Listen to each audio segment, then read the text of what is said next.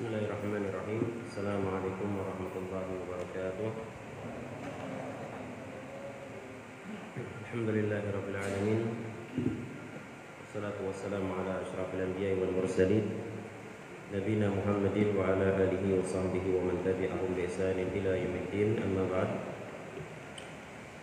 Pada malam hari ini kita lanjutkan kajian rutin malam Kamis pada pertemuan yang lalu jemaah sekalian kita sudah membahas faidah dari penjelasan Syekh Muhammad bin Shalih Al-Utsaimin terkait masalah akhlakul karimah ya yakni bahwa akhlakul karimah itu diarahkan pertama kepada Allah Subhanahu wa taala kepada sang pencipta ya baru kemudian yang kedua kepada sesama makhluk.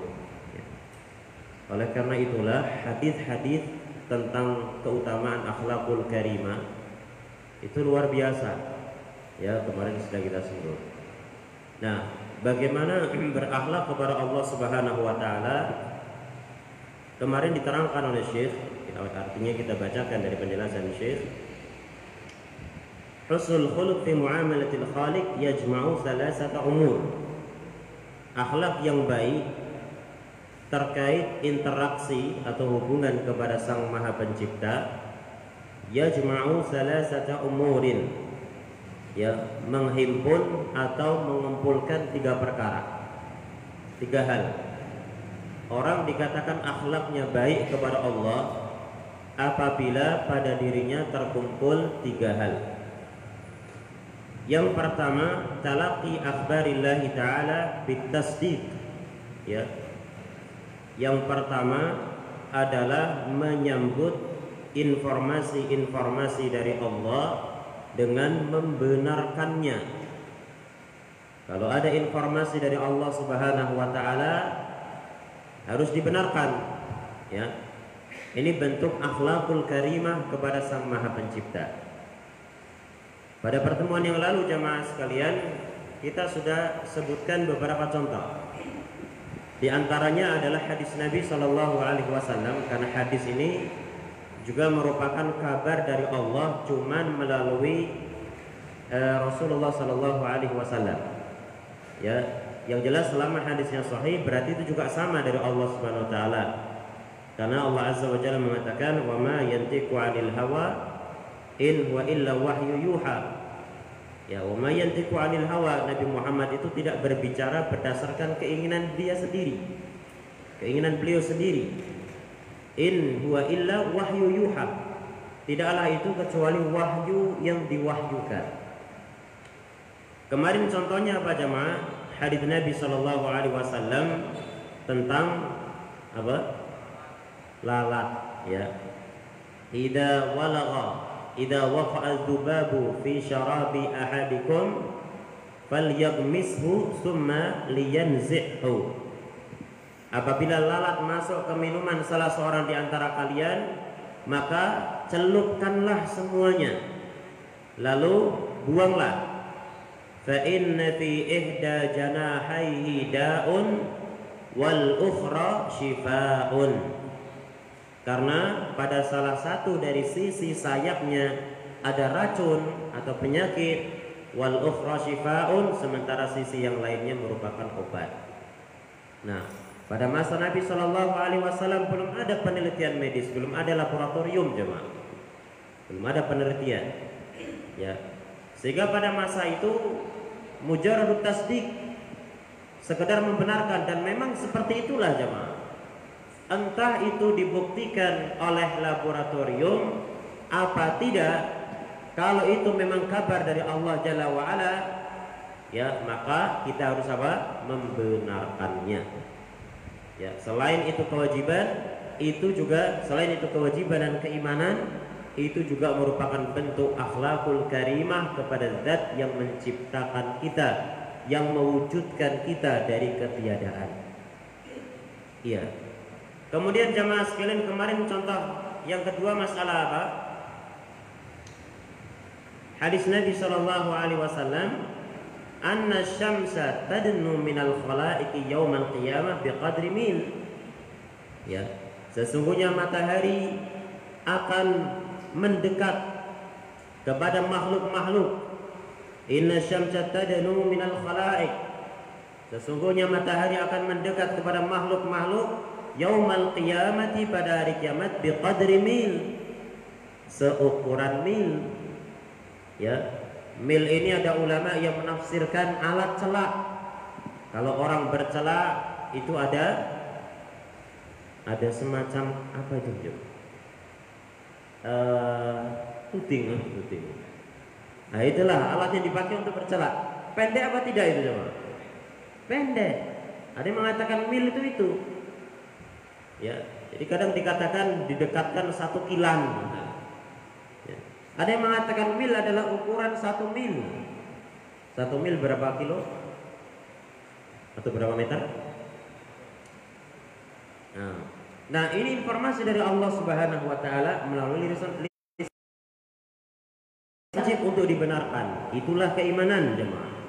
Di satu sisi itu merupakan akhlakul karimah, membenarkan kabar dari Allah merupakan akhlakul karimah. Jangan dikiaskan atau disamakan dengan kehidupan kita. Matahari ini kalau misalkan se apa kemarin contohkan lautanul ana di dunya miqdar an mula lah taraqatid dunya Nah sekarang ini seandainya matahari sedikit saja bergeser qadra anmula seukuran ujung jari lah taraqatid dunya. Niscaya alam semesta ini akan terbakar. Bumi ini akan terbakar. Kemudian orang menolak hadis Nabi. Mengatakan gak mungkin nanti matahari kok didekatkan. Ya gak ada yang bisa bertahan. Jamaah sekalian tidak seperti itu. Karena kehidupan dunia berbeda dengan kehidupan akhirat. Ya, di akhirat eh, disebutkan dalam satu riwayat ya bahwa manusia mereka akan berdiri pada hari kiamat khamsina alfasanah 50 ribu tahun. Kalau dibandingkan dengan kehidupan sekarang jamaah berdiri 50 ribu tahun apa bisa? Umur ya ratakan kuno ya maka jangan disamakan. Pokoknya kalau itu datang informasi dari Allah Subhanahu wa taala dibenarkan entah kita bisa membuktikannya ataupun tidak dan banyak jemaah banyak sekali ya bahkan termasuk dalam disiplin ilmu kesehatan ilmu pengobatan ini luar biasa ya Nabi SAW berbicara atau Allah sendiri berbicara tentang Al-Qur'an sebagai obat. Ya. Wa nunazzilu minal Qur'ani ma huwa shifaa'un wa rahmatun lil mu'minin. Al-Qur'an sebagai syifa. Ya, sebagai obat. Obat apa jamaah? Termasuk obat fisik. Ya, orang sakit dibacakan Al-Qur'an sembuh. Jangan mengatakan bahwa Quran itu obat nek wong kesurupan. Ya, Quran itu obat bagi maksudnya hati ya biar orang nggak iri nggak dengki bukan hanya itu jemaah tapi juga obat penyakit fisik makanya Al Imam Al Qayyim rahimahullah taala beliau mengatakan di antara bentuk menhajar Al-Qur'an. Menhajar Al-Qur'an itu memboikot Al-Qur'an. Karena disebutkan di dalam Al-Qur'an wa qala Rasul inna inna qaumi ittakhadhu hadzal Qur'ana mahjura. Allah Nabi SAW mengadu kepada Allah Ya, wahai Rabbku, inna inna qaumi ittakhadhu hadzal Qur'ana mahjura. Sesungguhnya kaumku menjadikan Al-Qur'an sesuatu yang mahjur, yang ditinggalkan. Di antara bentuk menhajar atau meninggalkan Al-Qur'an kata Imam Al-Qayyim, tarku al-istishfa bil Qur'an. Tidak mau berobat dengan menggunakan ayat Al-Qur'an. Kemudian datang wong enggak percaya. Masa ayat Qur'an iso ngobati wong meriang, wong loro untung. Kalau misalkan dibacakan nggak terobati, bukan salah Qurannya, tapi kesalahan siapa? Ya, wong Nabi Shallallahu Alaihi Wasallam ketika disengat kala jengking atau ada kisah rupiah itu ya, ada seorang kepala suku semua orang pengobatan nggak bisa nyembuhin dia. Ya, tiba-tiba dibacakan Al-Fatihah sembuh dia. seperti tidak pernah sakit sama sekali. Sekarang orang sakit lama nggak sembuh-sembuh dibawa ke rumah sakit, mari ini kan deh mah. Ya masih lemas-lemas, masih perlu uh, pemulihan, nanti masih kontrol lagi. Ini enggak, dibacakan Quran langsung sembuh. Ya. Kemudian jamaah sekalian juga berbicara tentang namanya al-habbatus sauda. Al-habbatus sauda dawa'un min kulli da'in. Ya. Habbatus sauda adalah obat segala penyakit kecuali kematian. Juga beberapa zikir. Ya. Zikir yang dibaca ketika ada orang sakit. Yang disebutkan oleh Nabi wasallam siapa yang membaca Bismillah A'udzu bi'izzatillahi wa qudratihi min syarri ma wa uhadir. Dibaca ini jamaah sekalian di pinggir atau pada orang yang sakit saat dia menjenguk ya. Yang mana sakit itu bukan sakit yang membawa kepada kematiannya pasti dia akan sembuh. Ya. Kalau sakit sudah ditakdirkan mati ya tidak sembuh. Ya. Makanya Nabi Shallallahu Alaihi Wasallam cukup merukyah sembuh kecuali pada sakit yang membawa kematian sudah ditakdirkan kematian. Maka jemaah sekalian hal-hal semacam ini yang disampaikan oleh Allah, disampaikan oleh Rasulnya Shallallahu Alaihi entah itu masuk di dalam teori manusia apa tidak kita dari kita terima. Yang disalahkan adalah akal kita, bukan Al-Qur'annya. Kalau sahih jangan dikritisi. Mengkritisi hadis itu jamaah sekalian itu mengkritisi sahih apa enggaknya.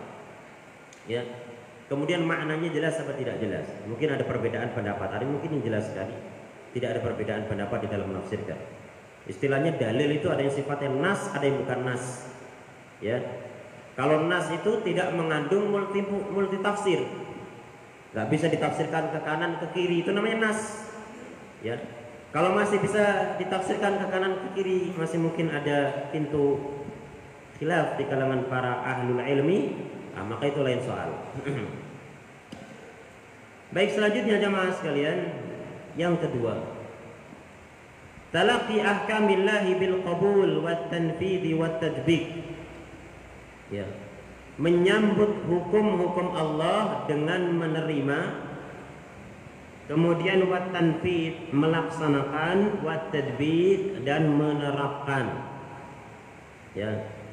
Jadi menyambut hukum-hukum Allah. Apa hukum Allah? Kalau orang belajar uh, usul fiqh, hukum itu ada dua. Namanya ahkam taklifiyah dengan ahkam wad'iyah. Ya. Kalau ahkam taklifiyah itu khitabus syar'i al al muta'alliqu bi af'alil mukallafin. Iktidaan atau takhyiran. Ya. Jadi kalau ahkam taklifiyah itu gampangnya jamaah sekalian perintah Allah atau larangan Allah. Atau sesuatu yang dalam agama ini diberi pilihan entah mau melakukan atau tidak. Hukum taklifiyah. Ada namanya hukum wad'iyah Hukum wad'iyah itu apa? Hukum wad'iyah itu ketentuan-ketentuan dalam syariat ya terkait sesuatu sebagai tanda bagi sesuatu yang lain. Maka ulama mengatakan hukum wad'iyah itu ada lima sebab syarat ya kemudian eh, mane ya kemudian selanjutnya apalagi itu kok lupa sih.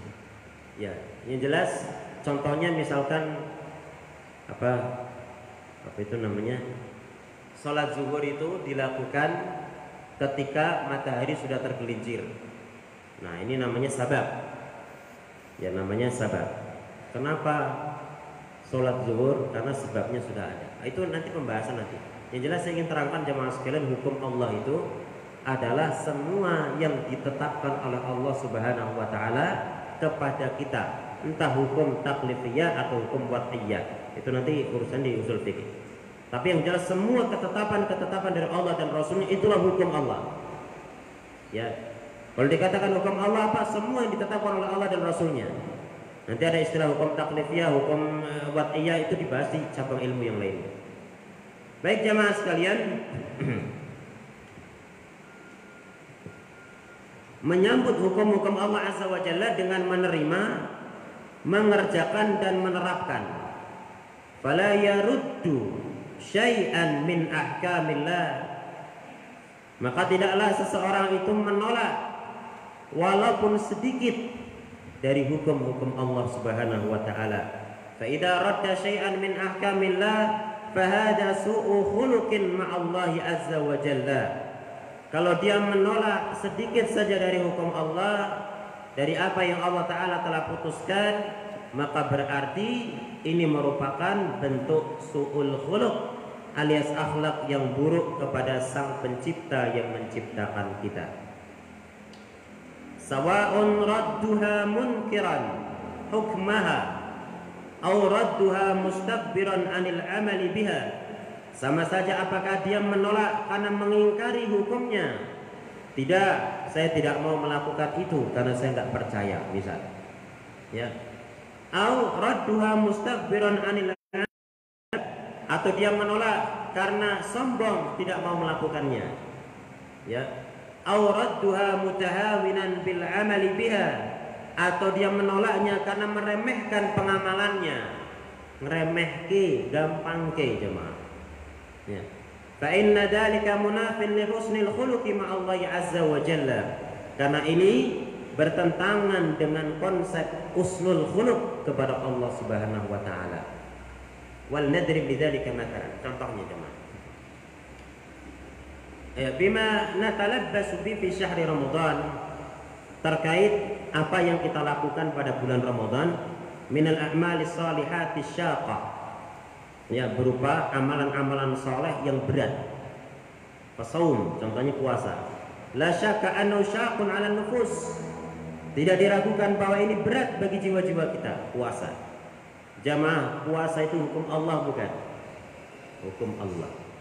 Jadi kalau hukum taklifiyah nih jamaah satu wajib dua sunnah tiga haram empat makruh lima mubah Ah, itu hukum-hukum taklifiyah.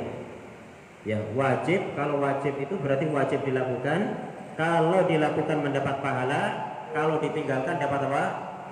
Dosa. Ya, kalau haram, nah ini sudah sudah sudah banyak yang paham. Ya. Nah, ini hukum-hukum Allah jemaah. Contohnya terkait dengan puasa. Puasa itu satu hal yang berat, jelas. Ya. Li'anna al-insana yatruku fil ma'lufa min ta'amin wa syarabin wa nikahin karena seseorang meninggalkan kebiasaan-kebiasaannya pada pada saat puasa.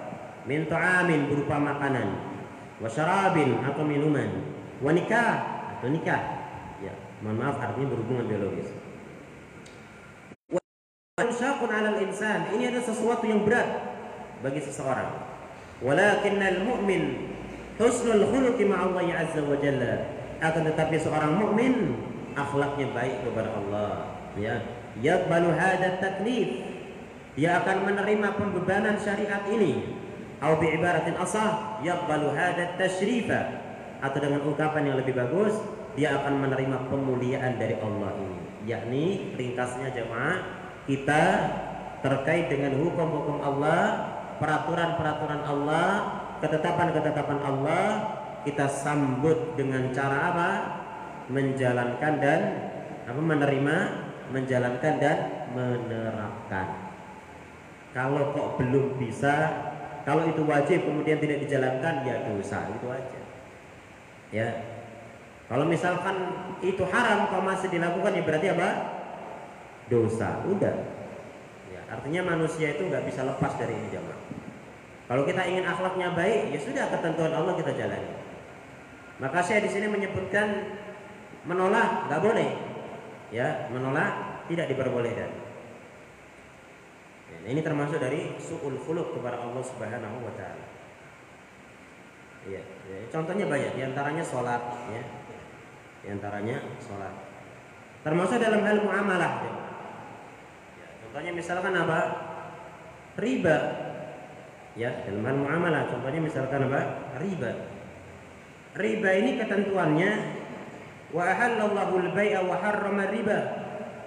Ya Allah Subhanahu wa taala menghalalkan jual beli dan mengharamkan riba. Ya. Dan ini di dalam pembahasan atau buku-buku fikih diperjelas apa makna riba itu, apa pengertian riba itu. Ya. Allah Subhanahu wa taala menyatakan di dalam Al-Qur'an, "Faman ja'ahu mau'izatun min rabbih maka barang siapa yang telah datang kepadanya mau'izah min rabbih, nasihat dari Tuhannya, dari penciptanya, dari pengatur kehidupannya dan dari penguasa dirinya juga. Fantaha lalu dia berhenti tidak melakukan riba lagi, falahu ma salafa maka dia masih diperbolehkan untuk mengambil yang lalu.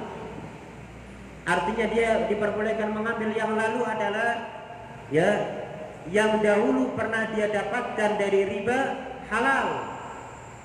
Ya, sebelum dia apa? tahu akan keharamannya. Ya. Kalau dia sudah datang penjelasan ini haram, maka seketika itu dia tidak boleh melanjutkan jemaah. Tapi sebelumnya uang yang dia dapatkan sebelumnya halal. Itu maksud eh, falahu ma salafa wa amruhu ila Allah dan urusannya diserahkan kepada Allah. Wa man 'ada dan siapa yang kembali melakukan riba, faulaika ashabun nar. Maka mereka itu adalah penghuni neraka. Hum fiha khalidun. Mereka kekal di dalamnya. Ya, berarti jamaah sekalian ini hukum siapa? hukum Allah Subhanahu wa taala. Ini ketentuan dari Allah Subhanahu wa taala dan bagian dari keimanan kita adalah menerima. Nah terus kalau misalkan ada orang yang masih riba bagaimana? Ya itu berarti dosa. Ya. Bagaimana kalau dibuat ini nggak bisa dibuat-buat kayak gitu. Kalau sudah ketentuannya ketentuannya. Anda mau ngikutin selamat, Anda tidak mau ngikutin urusannya sama siapa? Urusannya sama Allah. Udah titik. Dan kalau kita ingin akhlaknya baik, berakhlak baik, berarti kita teri, terima ketentuan dari Allah Subhanahu wa taala. Kemudian yang ketiga jamaah sekalian talaqi aqdarillahi taala birridha was sabar. Yang ketiga, ya. Kandungan akhlak yang baik kepada Allah Jalla wa ala adalah talaqi aqdarillahi taala birridha was sabar. Menyambut takdir-takdir Allah dengan penuh keridoan dan kesabaran. Ya. Takdir-takdir Allah Subhanahu wa taala artinya ketetapan-ketetapan Allah Subhanahu wa taala yang terkait dengan kejadian di alam semesta. Ya. Karena memang jamaah sekalian segala yang terjadi di alam semesta ini sudah ditakdirkan oleh Allah, sudah digariskan oleh Allah Subhanahu wa taala. Allah Azza wa Jalla mengatakan uh, Nabi sallallahu alaihi wasallam mengatakan Inna Allah kataba maqadir al-khalaiq uh, qabla an yakhluqa as-samawati wal ard bi 50 alf. Ya, wa arshu 'ala al-ma. Ya. Kata Nabi sallallahu alaihi wasallam sesungguhnya Allah azza wa jalla mencatat menulis takdir-takdir makhluk 50 ribu tahun sebelum dia menciptakan langit-langit dan bumi dan arsh Allah ada di atas air. Ya. Jadi sudah ditentukan jamaah. Takdir-takdir manusia. Ya. Maka di sini saya mengatakan talaqi aqdarillah taala birrida was sabar. Takdir-takdir Allah dengan ridha. Ridha. Rela. Ya. Was sabar dan sabar. Wa huwal amru salif min husnil khuluqi Allah. Dan ini adalah hal yang ketiga dari bentuk husnul khuluq kepada Allah Jalla wa ala. Wa kulluna ya'lamu anna aqdar Allah wa kulluna ya'lamu anna aqdar Allah azza wa jalla allati yudabbiruha fi khalqihi laysat kullaha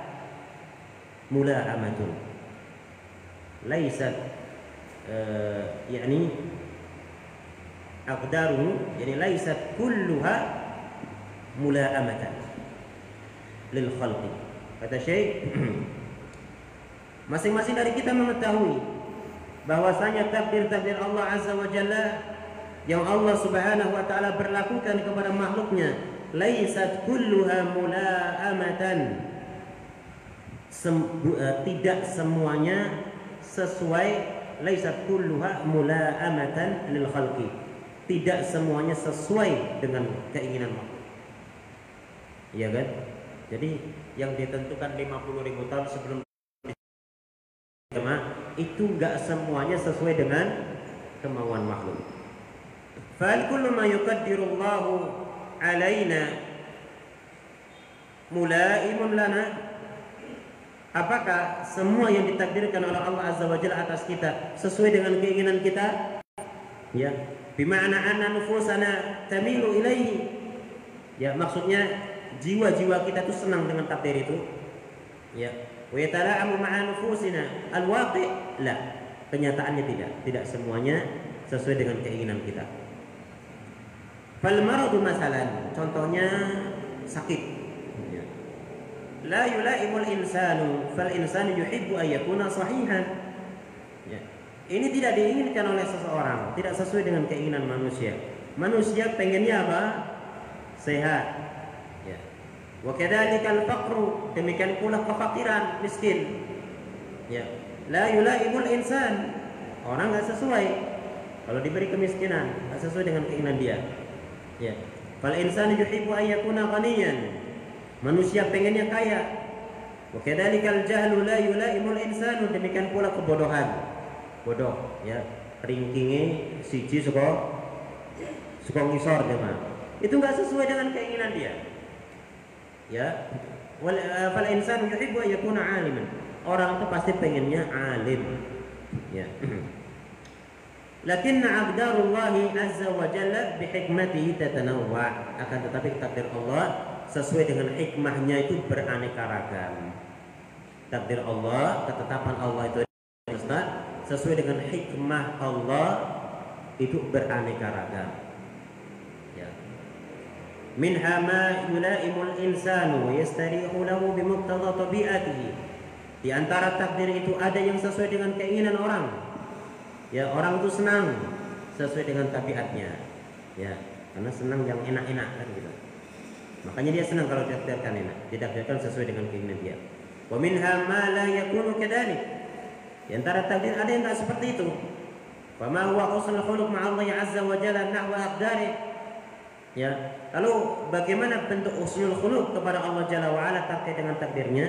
Kata Syekh, husnul khuluq ma'a Allah nahwa aqdarihi an tarda bima qaddara Allah lak wa an tatma'inna ilayhi وأن تعلم أنه سبحانه وتعالى ما قدره إلا لحكمة وغاية محمودة يستحق عليها الحمد والشكر kata Syekh Muslimin rahimahullah rahimahullah husnul khuluq kepada Allah terkait takdir-takdirnya engkau ridha engkau rela terhadap semua yang ditakdirkan oleh Allah atas dirimu ya engkau rela terhadap semua yang telah dicatatkan Allah atas dirimu Ya.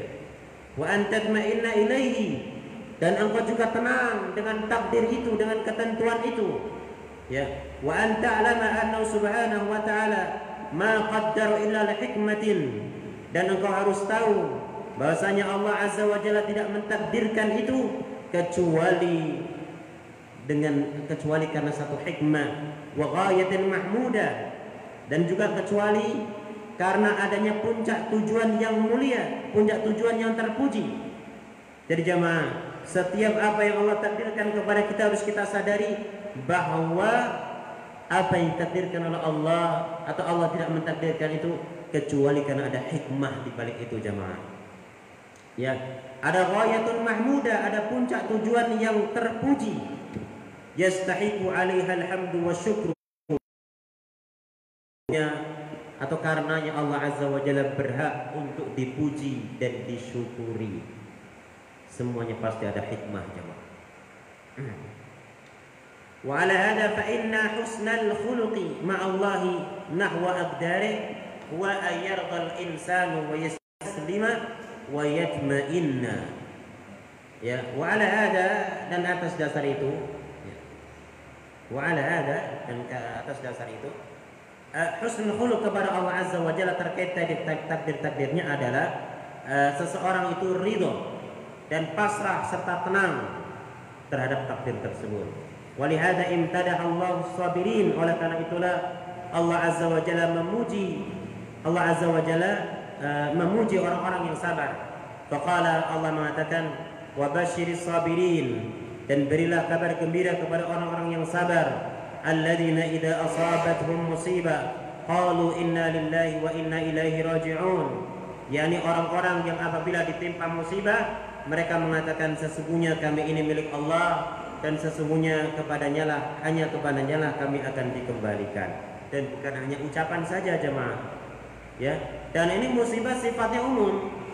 Dan Allah mengatakan alladzina idza asabathum musibah orang-orang yang apabila ditimpa musibah mereka mengatakan apa? Inna lillahi wa inna ilaihi raji'un. Jangan wong kena musibah barang hilang tunai ke koncone inna lillahi wa inna ilaihi raji'un. Darahnya mati loh ngamuk ya. Jadi bukan hanya karena masalah kematian saja. Musibah sifatnya umum. Kalau itu musibah, ya sebagai ungkapan rasa uh, sabar ya maka muncul di lisannya kalimat inna lillahi wa inna ilaihi raji'un jadi ini jamaah sekalian husnul khuluq kepada Allah Subhanahu wa taala. Nah, insya Allah pertemuan yang akan datang kita akan bahas husnul khuluq kepada makhluk bagaimana. Kemudian baru setelah itu kita masuk pada uh, poin-poin uh, husnul khuluq menulis kitab Minhajul Muslim ini. Ya, karena apa? Karena selama ini seperti dikatakan Syekh Ibnu Taimin, banyak orang yang keliru di dalam memahami akhlakul karimah. Ya, Dikira akhlakul karimah itu terkait muamalah kepada sesama manusia. Kalau dia baik sama orang berarti akhlaknya ya ini keliru jemaah. Apa e, keutamaan akhlak luar biasa kemarin dibawakan oleh Syekh e, Jabir Al Jazairi Abu Bakar Jabir Al Jazairi dalam kitab beliau ini keutamaan yang luar biasa diraih oleh orang yang akhlak mulia. Ya, orang yang ibadahnya itu enggak enggak sewah enggak sehebat dia bisa ada di orang usul husnul khuluq. Ya. Masa orang enggak pernah sholat kemudian tiba-tiba karena akhlaknya baik lalu di tingkat surga yang tinggi kan enggak mungkin. Ya maka ternyata jamaah sekalian para ulama ketika didalami ya para ulama ya ketika kita membaca karya ulama Ketika mereka berbicara akhlakul karimah, akhlak, akhlak, akhlak, mencakup dua objek. Yang kedua siapa? Sesama yang dicipta. Baru ketika husnul khuluq kepada sang pencipta dan yang dicipta ini ada pada diri seseorang, dia berhak untuk mendapatkan predikat sebagai orang akhlaknya baik dan berhak mendapatkan keutamaan-keutamaan yang disebutkan di dalam hadis. Ya, jadi sekali lagi jamaah sekalian, kalau misalkan kayak di sekolah-sekolah ya, kadang dikatakan kita membina akhlakul karimah. Ya kadang guru-guru bilang kita harus ber, apa murid-murid harus berakhlak. Yang maksudnya baik sama gurunya, baik sama orang tua, baik sama temannya. Enggak terbatas enggak terbatas itu jamaah, tapi juga bagaimana interaksi dia dengan Allah Subhanahu wa taala. Nah, tiga itu kuncinya disebutkan oleh Syekh Muhammad bin Shalih Al Utsaimin dalam kitab beliau Makarimu Al Akhlaq ini bisa disampaikan pada kesempatan malam hari ini. Kebenaran semua dari Allah Taala kesalahan dari si pribadi dan juga dari syaitan. Semoga bermanfaat dan membuahkan amal untuk kita. Inna wal yudzalik wa wal qadir alim wa jawadun karim. Naktafi ila بدعاء كفارة المجلس سبحانك اللهم بحمدك أشهد أن لا إله إلا أنت أستغفرك وأتوب إليك السلام عليكم ورحمة الله وبركاته